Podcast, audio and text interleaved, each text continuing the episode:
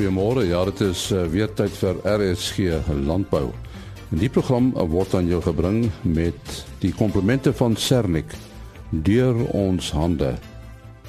In uh, vandag se program gaan ons gesels met Karl Opperman oor damtoestande in die Wes-Kaap. En dan is daar 'n uh, bydrae oor indringerplante wat waterhulpbronne eintlik in die gevaar stel. Ons praat ook met Dave Armitage oor die Beefmasters se betrokkeheid by die kudde kompetisie. Frikkie Maree praat oor die platteland en hoekom die platteland vandag lyk soos hy lyk. Daar is 'n uh, eh, nuwe belastingreëls wat geld veral vir veeboere. Johan Rogers die praat daaroor en dan uh, Nick Serfontein van Sernik. Hy praat oor 'n uh, veiling wat uh, plaasvind. Ons uh, gesels nou met uh, Karl Opperman, hy is die hoofuitvoerende beampte van Agri Weskaap. Nou as jy mens deesdae aan die Weskaap dink, dan dink 'n mens eintlik aan 'n plek wat nie baie water het nie. Dit gaan maar seker 'n bietjie benat op die oomblik daar, nê. Nee. En nie, uh goeiedag. Ja, nee, dit gaan baie benat. Ek sê ons raak nou benoud. Ehm um, dit is nie alleen die plaasdamme wat droog is nie, maar dit is ook nou die damme wat die die, die metropool en al die gebiede moet ook voorsien. Die syfer wat ek nou net gekry het sê vir my die totale syfers in die Wes-Kaap is nou net hieso so by die 23% terwyl ons by uh, 19% ekskuus terwyl ons by Tierwaterstoof so by 23 is maar dit wys vir ons ons het laas week so persent so bietjie oor 'n persent geval dit maak ons benoud alleenlik nie alleenlik vir ons naoeswater wat nie meer daar is nie maar ook vir die stad Kaapstad en omliggende munisipaliteite wat afhanklik is van daai water. Ons praat nou van die afhanklikheid van water. Eh, julle reenseisoen begin. Waar kom die water normaalweg vandaan uit die berge uit na die opvanggebiede toe? Ons het verskillende opvanggebiede wat op hierdie stadium plaasvind. Ons groot kom uit die berge uit as van reënwater wat afkom, maar sneeu, hierdie gewone dik sneeu neerslag wat ons op die berge het, uh is hier een van die groot bronne vir water wat dan stadig smelt en afloop en dan so die riviere volmaak en dan die damme uh volmaak. Ons het die laaste 2 jaar baie beperkte sneeu gehad, sowel as ook minder water. Die brande is seker nou iets van die verlede. Die brande wil ek vir jou sê, hopelik is iets van die verlede. Uh ek het nou so 'n hele entjie gery, byvoorbeeld hier af na die Karoo se kant toe en ek wil vir jou sê dit is bitter droog. Jy moenie te hard staar en kyk na die veld nie want hy gaan brand. Dan sê ons sê baie dankie aan Karl Opperman, die hoofuitvoerende beampte van Agri Weskaap. Ons gesels nou met uh, Kobus Meyering. Hy is die media hoof van die Suid-Kaapse Grondeienaars Inisiatief en dit is beter bekend as die Southern Cape Landowners Initiative. Nou ons wil 'n bietjie met Kobus praat oor die indringerplante wat uh, water en landbouhulpbronne in die Suid-Kaap bedreig. Uh Kobus, wat is julle doel? Wat doen uh, julle organisasie eintlik?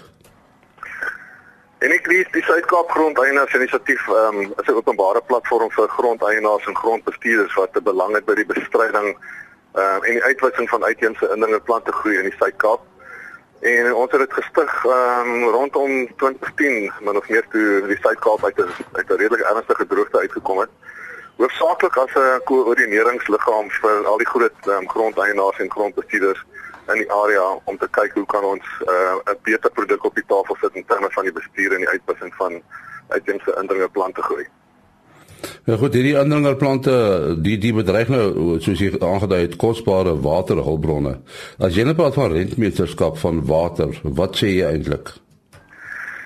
Uh rentmeterskap van water ehm um, het 'n belang by die hoeveelheid water wat ons tot ons beskikking het en die optimale bestuur daarvan.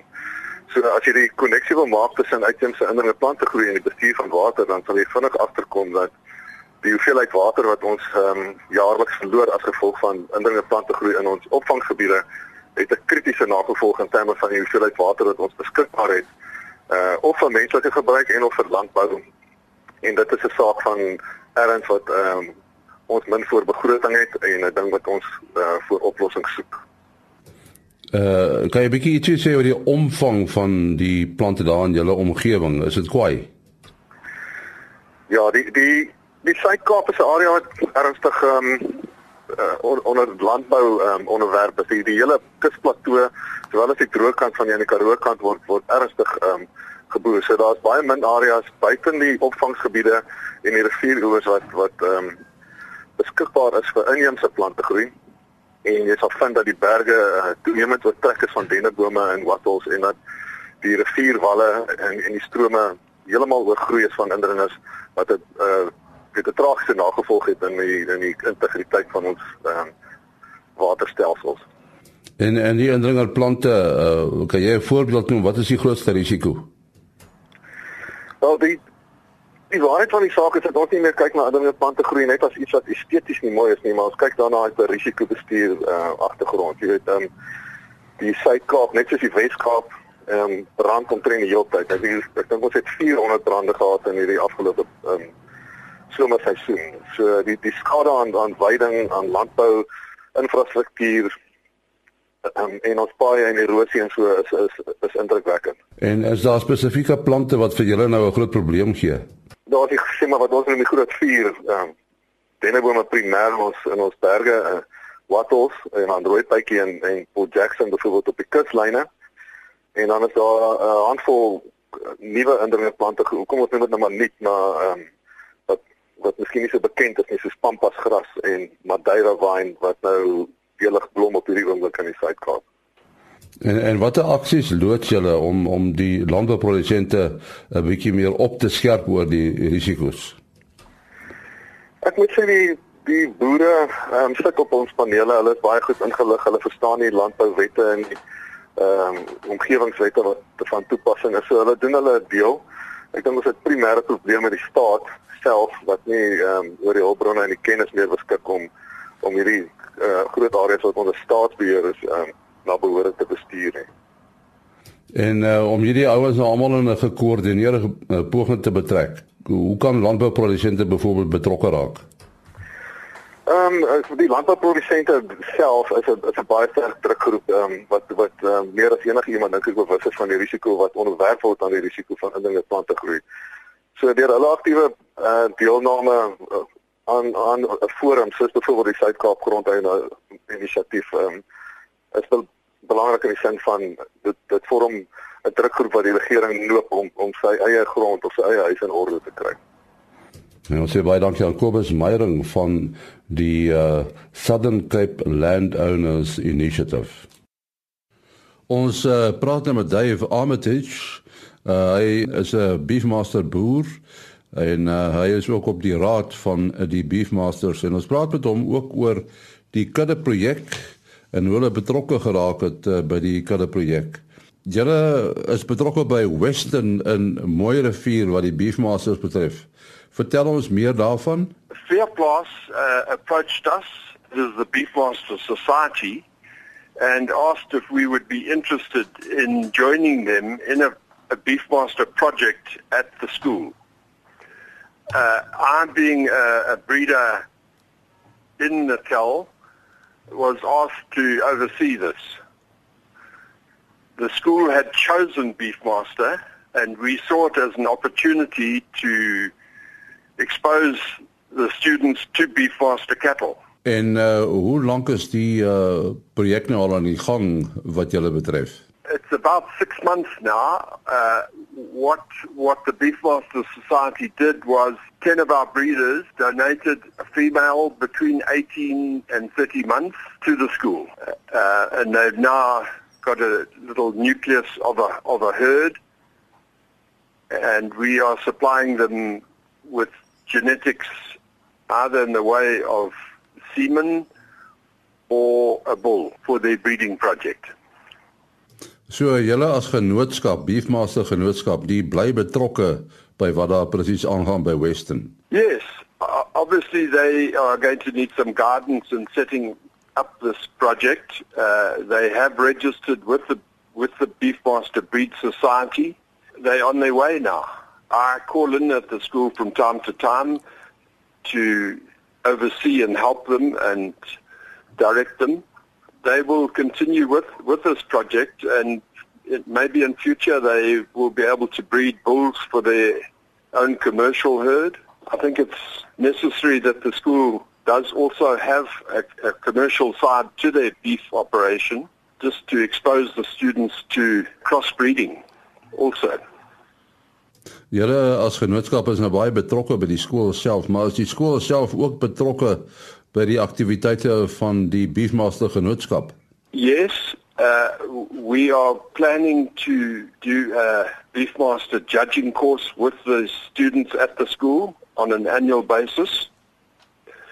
Uh, and of course, they, having joined the society, are now a member and will join in in all the activities of the society. En wat is die reaksie van die skoolleerders self oor hierdie beefmaster beeste wat hulle gekry het? I think they are excited about it, having not had registered beef cattle on the farm, and they're looking forward to to being able to to breed and progress the herd for their own needs. So julle julle het nou uh, 'n uh, knoppie beeste gegee aan die skool.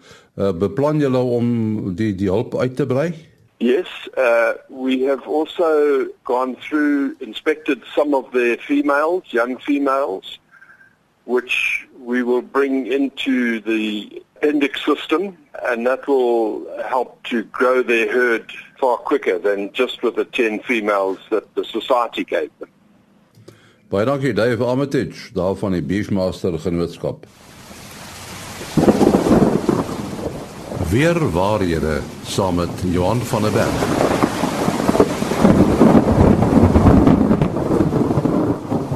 Ons uh, gesels uh, elke donderdag met Johan van der Berg van Santam Landbou oor weer waarhede. En uh, die keer gaan dit oor verdamping, Johan. Ja, ek wil so 'n bietjie daaroor uitlig. Dis een van die elemente uh, wat ons nie altyd in gedagte hou nie. Ons kyk altyd net na reën.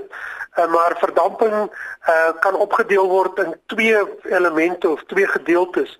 Die een is evaporasie en die ander een is transpirasie. So evaporasie is die verdamping vanaf die grond en van wateroppervlaktes. Terwyl transpirasie is die gedeelte wat uh, deur blare getranspireer of laat verdamp word. En in landbou praat ons van evapotranspirasie as ons na byvoorbeeld 'n mielieland kyk. So wat is die totale hoeveelheid water uh wat verlore gaan of wat um, uh in die atmosfeer opgaan. So hoe meet ons dit? Uh in die verlede het hulle 'n pan gehad, 'n verdampingspan, uh die sogenaamde Amerikaanse of klas A verdampingspan. Nou dis 'n pan van omtrent so 1.2 meter van ek ek dink hy's presies 1.2 meter in deursnee met water gevul. Uh nou die water is omtrent so 30 cm diep, so dit is nie 'n hoë pan nie. En elke dag word die waterverlies uit hierdie pan gemeet. So hoeveel water het verdamp uh uit hierdie pan uit. Nou as jy mens na landbou kyk, is dit nie 'n ware refleksie van die hoeveelheid water wat verlore gaan of wat uh, uit 'n mieliestand of 'n land verlore gaan nie. So daar's 'n nuwe konsep wat ons gebruik En dit is die sogenaamde Penman-Monteith of verdampingsvergelyking uh wat ons gebruik. Uh so dit berei dit bereken die waterverlies van 'n volledige blaardag. Uh nou om tegnies te wees, dis 'n blaardak van 'n groen groeiende gras ongeveer 10 cm hoog en ons gebruik weer data daarvoor as 'n verwysing. En die faktore wat verdamping bepaal is sonstraling, uh wind, lugvog en temperatuur. En uh deur hierdie goed uh, dan in 'n vergelyking in te sit, kan ons gaan bereken wat sou die verdampingsverlies gewees het vir 'n spesifieke dag vanaf 'n plantoppervlakte en ons gebruik dit deesdae as die verwysing daarvoor. Ja, verdamping is natuurlik 'n groot rolspeler uh, in klimaat, né? Nee? Dit is so want reënval is die positiewe deel wat uh, inkom en verdamping is dit wat weer teruggaan in die atmosfeer. So dit is deel van die hidrologiese siklus. Maar in terme van landbou moet ons weet byvoorbeeld by besproeiingskedulering, hoeveel water is deur plante gebruik sodat ons daardie selfe hoeveelheid weer kan terugsit. En dit maak dit dat dit um, 'n um, baie groot wetenskap geword het hoe om die besproeiingskedulering byvoorbeeld te doen uh, dat die regte hoeveelheid water uh, teruggesit moet teruggesit moet word in die grond. Ja, dit is nou besproeiing, maar uh, mense het nie altyd beheer daaroor nie want uh, mense hoop daarom daar's nog reën ook. Ek kyk dit mens daar's maar 'n 'n som wat 'n mens maak die hoeveelheid reën wat geval het ehm um, en die hoeveelheid verdamping en die tekort tussen die twee word aangevul uh dan as as besproeiing. Nou deesdae is daar ook metodes waar die grondvog self gemeet word, maar dit is baie arbeidsintensief. Uh daar moet geboor word met grondbore en pype gesit word uh om om die grondvog met 'n neutron vogmeter te kan meet of waar moet grondmonsters gevat word, toegehou word en die fisiese hoeveelheid die die die water in die grond te gaan bepaal. Uh so dit is 'n uh, redelike arbeidsintensiewe uh, proses uh, om seker te maak ons weet hoeveel water uh, word benodig. Uh as 'n mens gaan kyk die uh, verskil tussen reënval en verdamping is die potensiële verdamping is nogal groot. Gewoonlik is dit 4-5 keer meer as mens na 'n jaar kyk wat die verdampingsverliese is as wat die reënval is. So daar's altyd 'n tekort eintlik wat wat voorkom.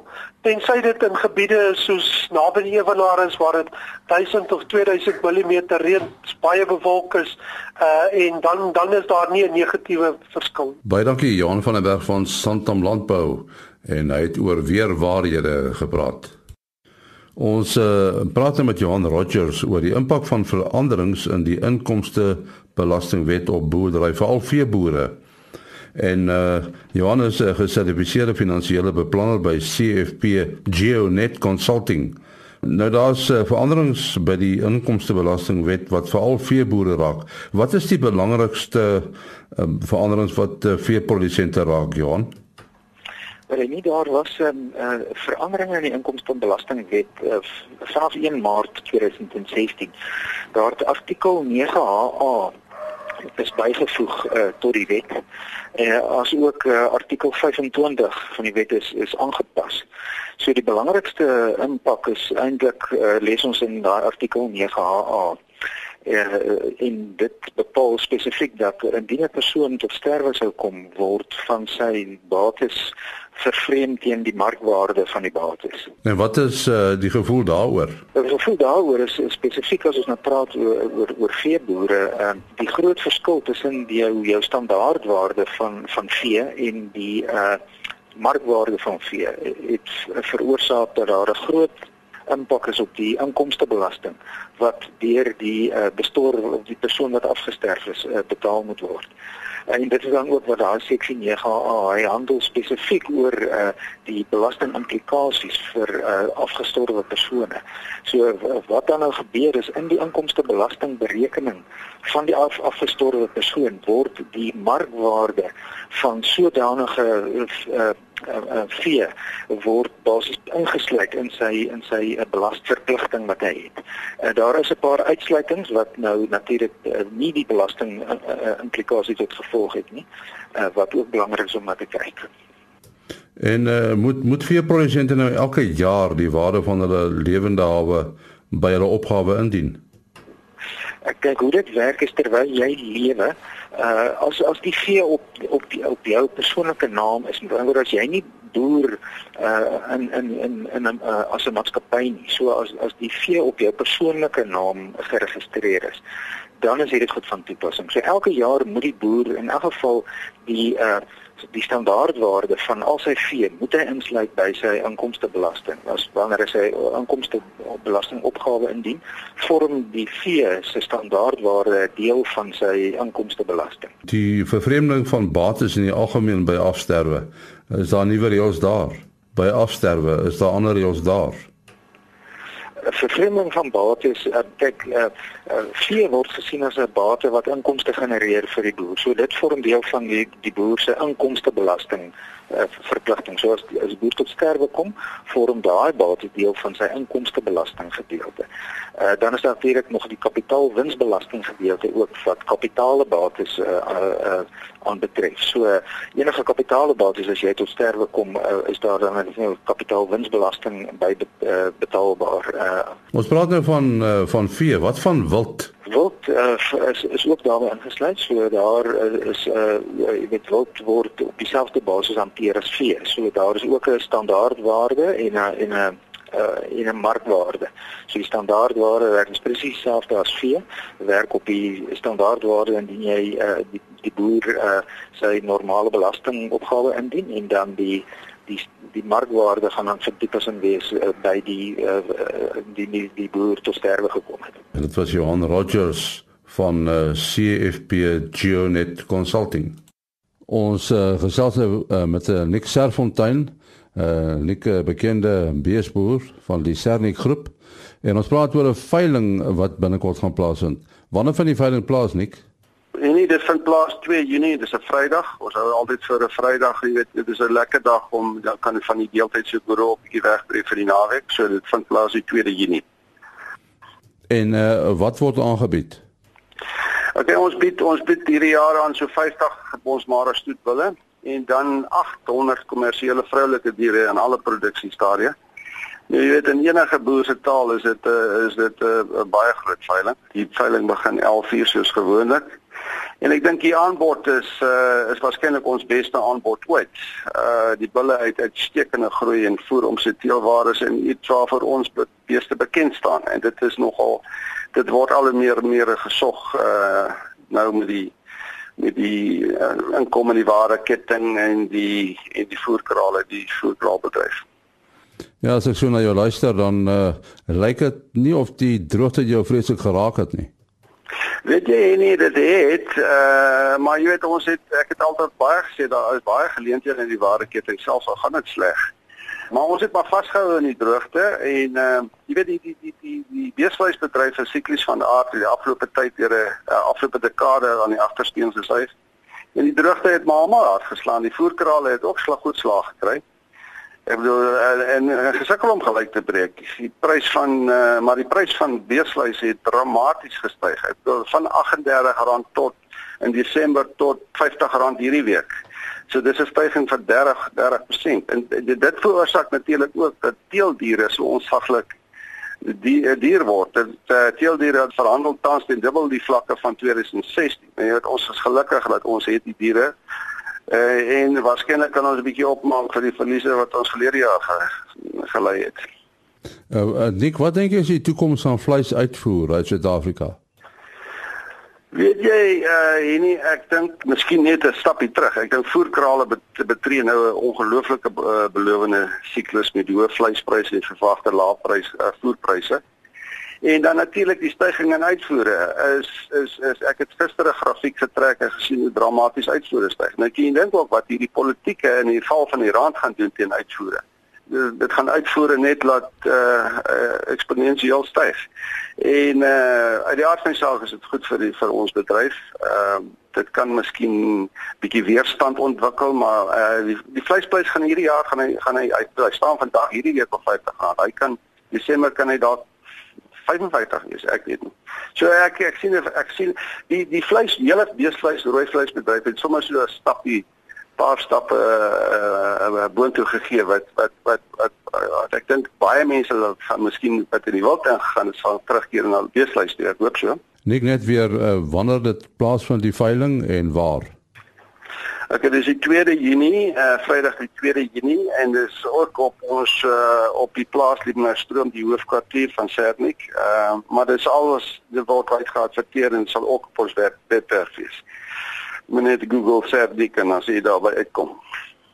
Baie dankie. Dit is uh, Nick Serfontein daai van Sernik. Ons volgende gesprek vir oggend gaan oor nasionale rooibosdag en die verskillende aspekte van die rooibosbedryf. Ek gesels met Sanet Stander, sy is eienaar van die Rooibos Tea House en ook mede-organiseerder van die nasionale rooibosdag. Sanet môre, hoekom het julle besluit om hierdie dag vir Suid-Afrikaners te skep om te vier? Goeiemôre Lize, ehm um, baie dankie vir die geleentheid. Ja, weet jy ons ehm um, het besluit op hierdie dag want Rooibos-plant is ons maar alom bekend en 'n uh, inheemse uitvoerproduk van Suid-Afrika. En dit is amper soos melktert, koeksusters en braaivleis. En ons het eintlik meer gewonder Hoekom het hierdie dag nog nooit plaasgevind nie? So ons het gevoel kom ons gee erkenning um, aan die landbouer, die arbeider en alle rolspelers in die industrie want rooibos bly tog 'n um, baie besonderse plant en dan ook 'n produk van Suid-Afrika. Nou ek sien hierdie dag is 16 Januarie. Hoekom juist daardie dag? Weet jy Benjamin Ginsberg um, word as vir ons gesien as een van die rolspelers in die rooibosbedryf van die vroeë jare. En ehm um, sy potensiaal wat hy in hierdie plant gesien het en dan ook die um, uitvoer daarvan en dan ook die produkontwikkeling daarvan wil ons erkenning gegee het. Hy is gebore op 16 Januarie 1885 en dan um, tesame met die uh, oes wat dan ook in vroeg Januarie begin. Weet ons oes in die somer, Januarie tot Maart, het ons gevoel kom ons kies dan sy verjaarsdag wat dan ook 'n um, erkenning aan die oestyd is. Soos jy vroeër gesê het, rooibos is so eie aan Suid-Afrika en ek weet talle ander lande het al probeer om dit te plant en hulle kon nie. Maar waar word rooibos tee verbou? Ja, weet jy, ons kry dit nogals baie gereeld dat mense nie weet dat dit net die Cereberg area is nie. Die streek is um as Klein Willem as die as die senter of dan die hoofstad van Rooibos met so 150 km radius waar dit verbou word en dit is um natuurlik as gevolg van ons klimaat. Ons het uiterse somertemperature van 40 grade gemiddeld. Um en dan winter lekker koud in die oggende -2, -3 grade val die val die temperatuur en dan kry ons winterreën um, en ook bietjie sneeu op die berge. Nou die ander hoofrede hoekom dit net in hierdie area verbou kan word, is die plant het omtrent 'n penwortel wat so 3 tot 5 meter diep groei en hy moet in 'n baie sanderige area groei en dit is maar die rede hoekom dit net in ons area kan verbou word. Hierdie tea house van jou, is dit ook in daai area? Waar is julle geleë uh, presies, uh, Sanet? Ja, ons is in Klein Willem, ehm um, soos ek gesê die hoofstad van Rooibos en dit is ehm um, dan ook die enigste rooibos teehuis in die wêreld wat jy kry. Wow, iets om op trots te wees. Hoe werk verbouing van 'n rooibos? Vertel vir ons. Weet jy, rooibos industrie skep nogals baie werksgeleenthede want ehm um, dit is baie arbeidsintensief en um, en veral in die tyd wat dit nou oes en planttyd is. So die saad word in Maart maand gesaai in 'n kwekery. Ehm um, dit is ook die enigste tyd wat die uh, plant dan besproei word. Ehm um, dis nog steeds baie warm in Maart maand, so ons besproei hom bietjie. Ehm um, die daagliks kry hy sy water en dan word hy na die eerste winterreëns word hy uitgeplant in plantasies en dit is dan um, um die res van sy lewe is hy dan afhanklik van van jou um, reënval. En dan groei die plant nou so vir 18 maande voor ons hom kan oes. Ons oes natuurlik in die somermaande van Januarie tot Maart en dan word die oes geskied um, met die hand. Ehm um, alhoewel dan natuurlik nou al heel wat landbouers is wat ehm um, gemechaniseer het, ehm um, is die meeste mense gebruik nog maar arbeid. Sy so, word ge um, oes van die land af en dan word die plant deur 'n kerwer gesit wat hy gesny word met 'n masjien baie skerp lemme um, tot 'n lengte van 3 tot 5 mm. Nou as jy ongefermenteerde rooibos tee wil hê, dan word dit dadelik na die kerfproses gedroog. Um anders om dit te fermenteer, word dit dan op 'n teebaan in rye uitgegooi, word water gegee en gekneus en dan gaan dit in 'n sweetproses. Nou die sweetproses neem so enigiets van 10 tot 12 ure en dan word dit ehm um, weer daarna versprei oor hierdie teebaan wat maar sementoppervlakte is, ehm um, en dan word dit gesond droog. En dis binne 48 uur kan jy jou rooibos tee reeds hê hang af van die weeromstandighede van die dag. Nou veelsidigheid van rooibos is so wyd want ons drink al lankal nie meer net rooibos tee nie. Ons gebruik dit in velsorgprodukte en ook in gebak en gekook. Wat is nou jou gunsteling rooibos gebak? O, oh, Lise, dit moet definitief my ma se wortelkoek wees. Ons uh, bedien dit al vir jare in um, in die Rooibos teehuis en um, ons praat ook nou al van die wêreldbekende wortelkoek want almal wil die resepte hê. Um, en ja, en, en dan in somer is dit net so lekker warm is dan geniet ek nou 'n lekker rooibos melkskommel saam met daai wortelkoek. Is daar enige uh, vleis of vis wat ook gebruik word uh, vir rooibos of waar rooibos ook gebruik word? In die Weskus waar ons nou die snoek kry, um, is 'n ou gerookte snoekie wat jy nou met um, rooibos gerook het.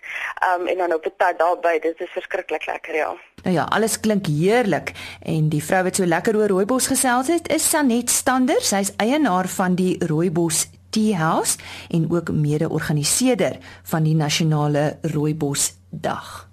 Die program is aan jou gebring met die komplimente van Sernik. Deur ons hande. RSG Landbou is 'n produksie van Blast Publishing. Produksieregisseur Henny Maas. Aanbieding Lisa Roberts en 'n notas koördineerder Jolande Rooi.